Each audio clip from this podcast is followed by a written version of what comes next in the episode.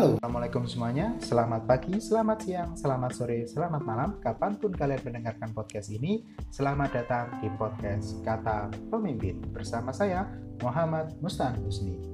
Nah, pada episode kedua kita kali ini, kita akan membahas tentang hukum manusia. Berbicara tentang hukum, pasti ada beberapa hal ya yang ada di dalam pikiran kita, di antaranya seperti halnya aturan, keadilan, dan yang pasti tentang hak asasi manusia bagaimana hukum itu bisa mengakomodir hak kita sebagai manusia untuk tidak dilanggar dan juga dihormati bukan. Nah, ketika kita melihat beberapa produk hukum di negara kita, kita seakan-akan berada pada sudut pandang yang berbeda di antaranya eh, apakah hukum ini dibentuk oleh manusia atau masyarakat atau masyarakat atau manusia itu membentuk hukum. Nah, pertanyaan ini akan mengembalikan kita pada analogi lebih dahulu mana antara telur dengan ayam. Yang pasti, telur bisa menghasilkan ayam dan ayam bisa menghasilkan telur. Seperti halnya hukum, hukum juga memiliki dua jenis. Yang pertama adalah hukum yang bersifat top down, yakni hukum yang dibentuk oleh pemerintah agar masyarakat mempunyai sebuah tatanan aturan untuk menciptakan sebuah sistem tatanan masyarakat yang lebih baik seperti itu. Oleh karenanya, ada adagium yang menyatakan law as a tool of social engineering. Hukum adalah alat untuk membentuk tatanan sosial seperti itu. Namun ada juga hukum yang bersifatnya bottom up, di mana hukum itu sudah berjalan di masyarakat, hukum itu sudah menjadi kebiasaan, sudah menjadi sebuah kesepakatan atau konsensus yang kemudian membutuhkan sebuah legalitas agar ditaati oleh seluruh masyarakat seperti itu sehingga akhirnya hukum itu diangkat dan menjadi sebuah undang-undang seperti itu. Nah, melihat hal seperti demikian, kita akhirnya bertanya, lalu bagaimanakah penerapan hukum atau kedaulatan hukum di negara ini dan bagaimana penerimaan hukum oleh masyarakat? Yang pasti di dalam Undang-Undang Dasar Negara Republik Indonesia tahun 1945 menyatakan Indonesia selain negara dengan kedaulatan rakyat atau demokrasi juga merupakan negara dengan kedaulatan hukum yakni demokrasi. Hal ini bertujuan agar setiap masyarakat ataupun warga negara yang hidup di dalam negara ini mematuhi seluruh aturan hukum yang berlaku.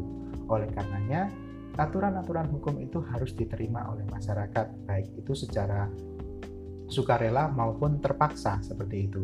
Lalu pertanyaannya, bagaimana hukum ini bisa diterima oleh masyarakat dengan cara sukarela ketika hukum itu ternyata memiliki efek samping atau bahkan efek negatif yakni melanggar hak asasi mereka selaku manusia. Nah, oleh karenanya lah hukum tidak boleh dimaknai sebagai sebuah aturan semata, namun hukum juga harus memiliki sebuah tujuan. Gustav Rothbach menyatakan bahwasanya tujuan hukum memiliki tiga tujuan, yakni yang pertama adalah kepastian, yang kedua adalah kemanfaatan, dan yang ketiga adalah keadilan. Kepastian hukum dapat tercipta dengan sarana hukum itu bersifat tertulis, yakni menjadi sebuah undang-undang yang berbentuk pasal-pasal pasal-pasal yang bisa diterapkan di pengadilan-pengadilan seperti itu. Selanjutnya, hukum itu bisa memiliki kemanfaatan selama hukum itu memang e, dibutuhkan oleh masyarakat atau mencerminkan kebutuhan masyarakat terhadap hukum tersebut. Sehingga hukum ini dapat diterapkan dengan baik dan justru semakin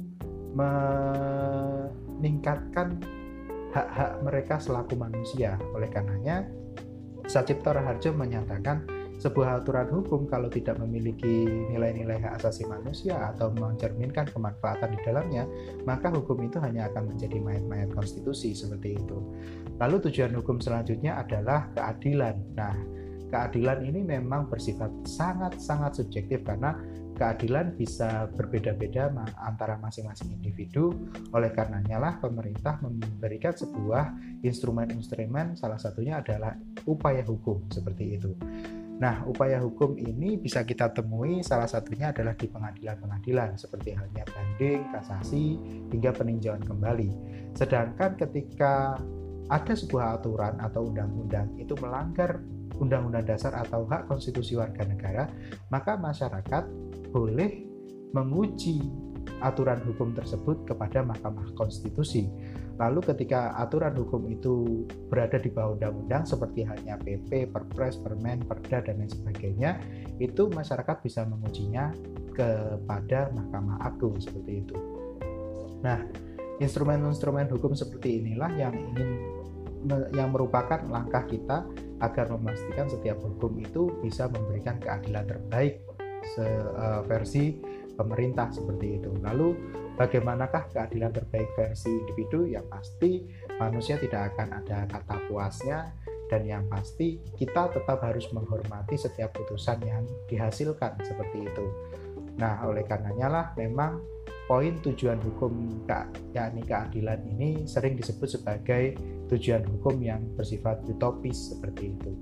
Nah, lalu ketika kita melihat bahwasanya upaya-upaya hukum ini memang menjadi sebuah uh, tujuan untuk mencapai sebuah keadilan, memang kita tidak bisa melihat hukum itu sebagai sebuah aturan semata, tapi hukum itu harus dilihat menjadi sebuah ciri dari sebuah masyarakat.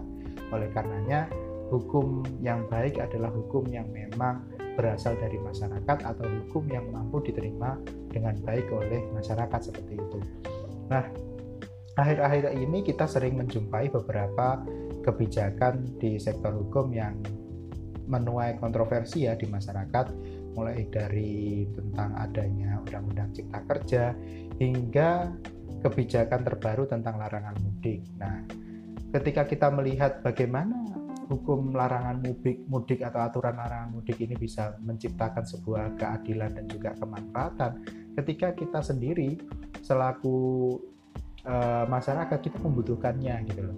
Kita sudah dua tahun ini kita tidak bisa mudik, karena tujuannya adalah untuk menekan penularan COVID-19, ya kita mengetahui, kita sadar bahwasanya COVID-19 ini sangat berbahaya bagi kesehatan baik diri kita maupun keluarga. Namun yang menjadi ironi kita saat ini adalah untuk tahun ini aturan mudik tidak diperbolehkan, tapi beberapa tempat-tempat wisata tetap dibuka. Hal inilah yang menjadi kontradiktif. Nah, pemerintah seharusnya selaku pemilik kewenangan dan kebijakan pembuatan aturan hukum haruslah melihat hal ini lebih terang lagi seperti itu. Ketika memang eh, kita memutuskan tidak adanya kerumunan sama sekali, maka otomatis baik apa pun itu ya jangan sampai menimbulkan kerumunan entah itu mudik ataupun wisata atau apa pun itu kalau bisa dilarang seperti itu jadi benar-benar bisa menciptakan sebuah uh, wajah ataupun komitmen kepada masyarakat secara utuh tentang upaya pencegahan COVID-19 seperti itu. Nah, uh, proses pembentukan hukum ini memang sebuah hal yang cukup rumit teman-teman. Karena yang pasti ketika kita ingin memastikan setiap masing-masing warga negara terpuaskan terhadap sebuah aturan hukum maka kita tidak bisa hanya mendengarkan salah satu pihak saja. Namun kita harus mendengarkan semuanya. Tapi memang salah satu hal yang harus dibayar dari sebuah aturan hukum adalah adanya hak-hak yang harus dibatasi seperti itu. Dan memang di dalam konstitusi sendiri menyatakan setiap hak asasi manusia wajib dihormati, namun setiap hak asasi manusia dibatasi oleh hak asasi manusia lainnya seperti itu. Hal ini bertujuan agar masing-masing uh, manusia atau masing-masing orang tidak dengan mutlak menjalankan hak asasi mereka sebagai manusia saja, tapi juga menghormati hak asasi manusia lainnya seperti itu. Nah, lalu ketika kita melihat bagaimana penerapan hukum di negeri ini, memang uh, masih menjadi pekerjaan rumah ya baik dari pemerintah maupun kita semua terutama teman-teman yang bergerak di bidang profesi hukum seperti itu. Kita nah kita tidak apa ya kita sering mendengar istilah maju tak gentar membela yang bayar seperti itu. Ya ini menjadi hal yang cukup lumrah karena kembali lagi eh, teman-teman yang memilih jalan di profesi hukum ya mereka memang menjalankan profesi mereka bukan hanya sekedar pengabdian tapi juga menjadi sebuah pekerjaan. Oleh karenanya lah memang penerapan tarif dan lain sebagainya itu menjadi hal yang wajar.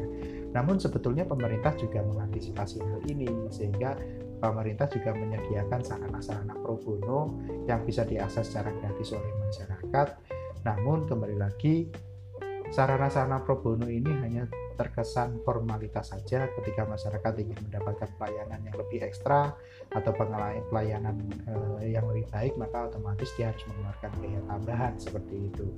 Namun eh, kembali lagi hukum ini ataupun dunia hukum ini tidak boleh diartikan sebagai sarana bisnis namun harus juga memiliki nilai-nilai pengabdian karena kembali lagi ada beberapa profesi hukum yang bahkan dia disebut sebagai wakil Tuhan di muka bumi yakni hakim selaku pengambil keputusan.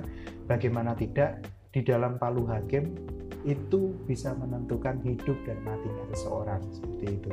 Dan juga dakwaan yang disampaikan oleh jaksa itu juga menentukan masa depan baik eh, terduga atau terdakwa maupun keluarga mereka seperti itu oleh karenanya teman-teman yang berada di dalam profesi hukum haruslah melihat hukum ini bukan hanya sekedar menerapkan pasal-pasal saja, tapi juga harus mencerminkan hati nurani dan juga nilai-nilai kemanusiaan yang muncul karena memang ada beberapa kasus di negeri ini yang sering kita lihat uh, tidak mencerminkan hal tersebut ya mungkin. Nah, Salah satunya kasus yang masih lekat dalam ingatan kita, kasus nenek Asiani, yang di mana nenek tersebut menggunakan kayu-kayu yang ia temukan di hutan untuk kebutuhan pribadi dan dia dituduh melakukan pembalakan liar atau illegal logging dan dia harus di apa di dipidana seperti itu. Nah, hal inilah yang harus kita lihat bahwasanya hukum tidak boleh hanya sekedar menerapkan pasal, tapi juga harus melihat konteks dari sebuah teks seperti itu. Nah, oleh karenanya saya pribadi melihat hukum ini bukan hanya sebagai sebuah instrumen atau alat, tapi hukum ini adalah sebagai sebuah makhluk yang di mana di dalamnya juga memiliki uh, kebaikan maupun juga memiliki apa? Memiliki potensi keburukan seperti itu. Nah, oleh karenanya lah hukum sebagai sebuah makhluk harus dijadikan sebuah entitas yang dimaknai bukan hanya sekedar uh, alat seperti itu, tapi juga dihormati, baik itu pelaku penegak hukum, pembentuk hukum, hingga masyarakat selaku uh, pemanfaat hukum itu sendiri. Nah, lalu bagaimanakah kita bisa menciptakan hukum yang bisa memanusiakan manusia? Yang pasti kita harus melepaskan atribut-atribut yang selama ini melekat di dalam hukum. Hukum di Indonesia selalu dikaitkan erat dengan politik, seperti itu. Ya memang tanpa adanya politik maka tidak akan adanya hukum karena orang-orang yang menciptakan hukum tentunya mereka adalah orang-orang yang dipilih secara politik seperti itu belum lagi ditambah politik pasti juga berkaitan erat dengan ekonomi, di mana setiap kebijakan politik yang diambil pasti melalui uh, proses uh, ekonomi seperti itu yang bertujuan agar menyelamatkan uh, keuangan ataupun fiskal negara seperti itu. Namun kita harus melihat hukum ini lebih besar daripada itu hukum tidak boleh diartikan sebagai produk politik, namun hukum harus dilihat sebagai produk negara, sehingga baik mereka yang memiliki kekuasaan politik maupun non politik harus sama-sama membentuk hukum. Keterlibatan masyarakat dalam proses pembentukan hukum ini harus diberikan akses yang seluas-luasnya oleh pemerintah, mulai dari aspek perumusan, pembentukan hingga penerapan seperti itu. Dan pemerintah juga tidak perlu gengsi ketika melihat adanya hukum yang dirasa tidak cocok untuk diteruskan seperti itu atau harus diganti. Tidak perlu khawatir ketika kita melihat hukum ini memang cenderung e, memperumit atau menyusahkan masyarakat ya diganti saja. Tidak ada masalah karena kembali lagi hukum itu tidak dibuat untuk ditaati secara utuh, tapi hukum itu dibuat untuk masyarakat dapat melaksanakan kehidupan yang lebih baik seperti itu. Nah, jadi ketika hukum itu tidak dapat diterapkan dengan baik oleh masyarakat, ya maka diganti saja. Atau hukum hukum itu bukan sebuah firman Tuhan yang tidak boleh dilanggar satupun kan, seperti itu. Nah, selain itu juga saya berpendapat bahwasanya hukum ini juga tidak boleh diartikan sebagai sebuah sarana kekuasaan di mana untuk melanggengkan sebuah kekuasaan untuk menunjukkan sebuah power dari pemerintah hukum itu dibuat seperti itu. Nah pemerintah yang baik seharusnya adalah pemerintah yang partisipatif pemerintah yang juga melibatkan masyarakat dalam proses pelaksanaan bernegara seperti itu. Sehingga aturan-aturan hukum yang sifatnya mengekang masyarakat ini sudah seharusnya tidak ada lagi seperti itu. Nah mungkin itu pembahasan kita pada episode kedua kali ini tentang hukum manusia. Yang pasti sampai detik ini reformasi di negeri ini yang masih belum selesai adalah reformasi hukum. Masih banyak produk-produk hukum yang masih belum kita selesaikan dan masih ada beberapa produk hukum seperti halnya eh, KUHP dan juga Perdata yang masih merupakan warisan Belanda. Kita masih belum punya produk hukum versi kita sendiri. Nah ini menjadi PR kita bersama agar ke depan Indonesia bisa memiliki instrumen-instrumen hukum yang lebih baik lagi dan proses penegakan hukum bukan hanya sekedar menjadi retorika di atas panggung politik semata tapi benar-benar mencerminkan nilai-nilai masyarakat itu sendiri. Mungkin itu episode kita kali ini. Apabila ada kritik dan saran bisa disampaikan ke kami karena itu adalah wujud support terbesar kalian terhadap uh, podcast kita uh, terhadap podcast ini seperti itu. Mungkin itu dari saya. Mohon maaf apabila ada salah kata. Sampai jumpa di podcast selanjutnya. Dadah.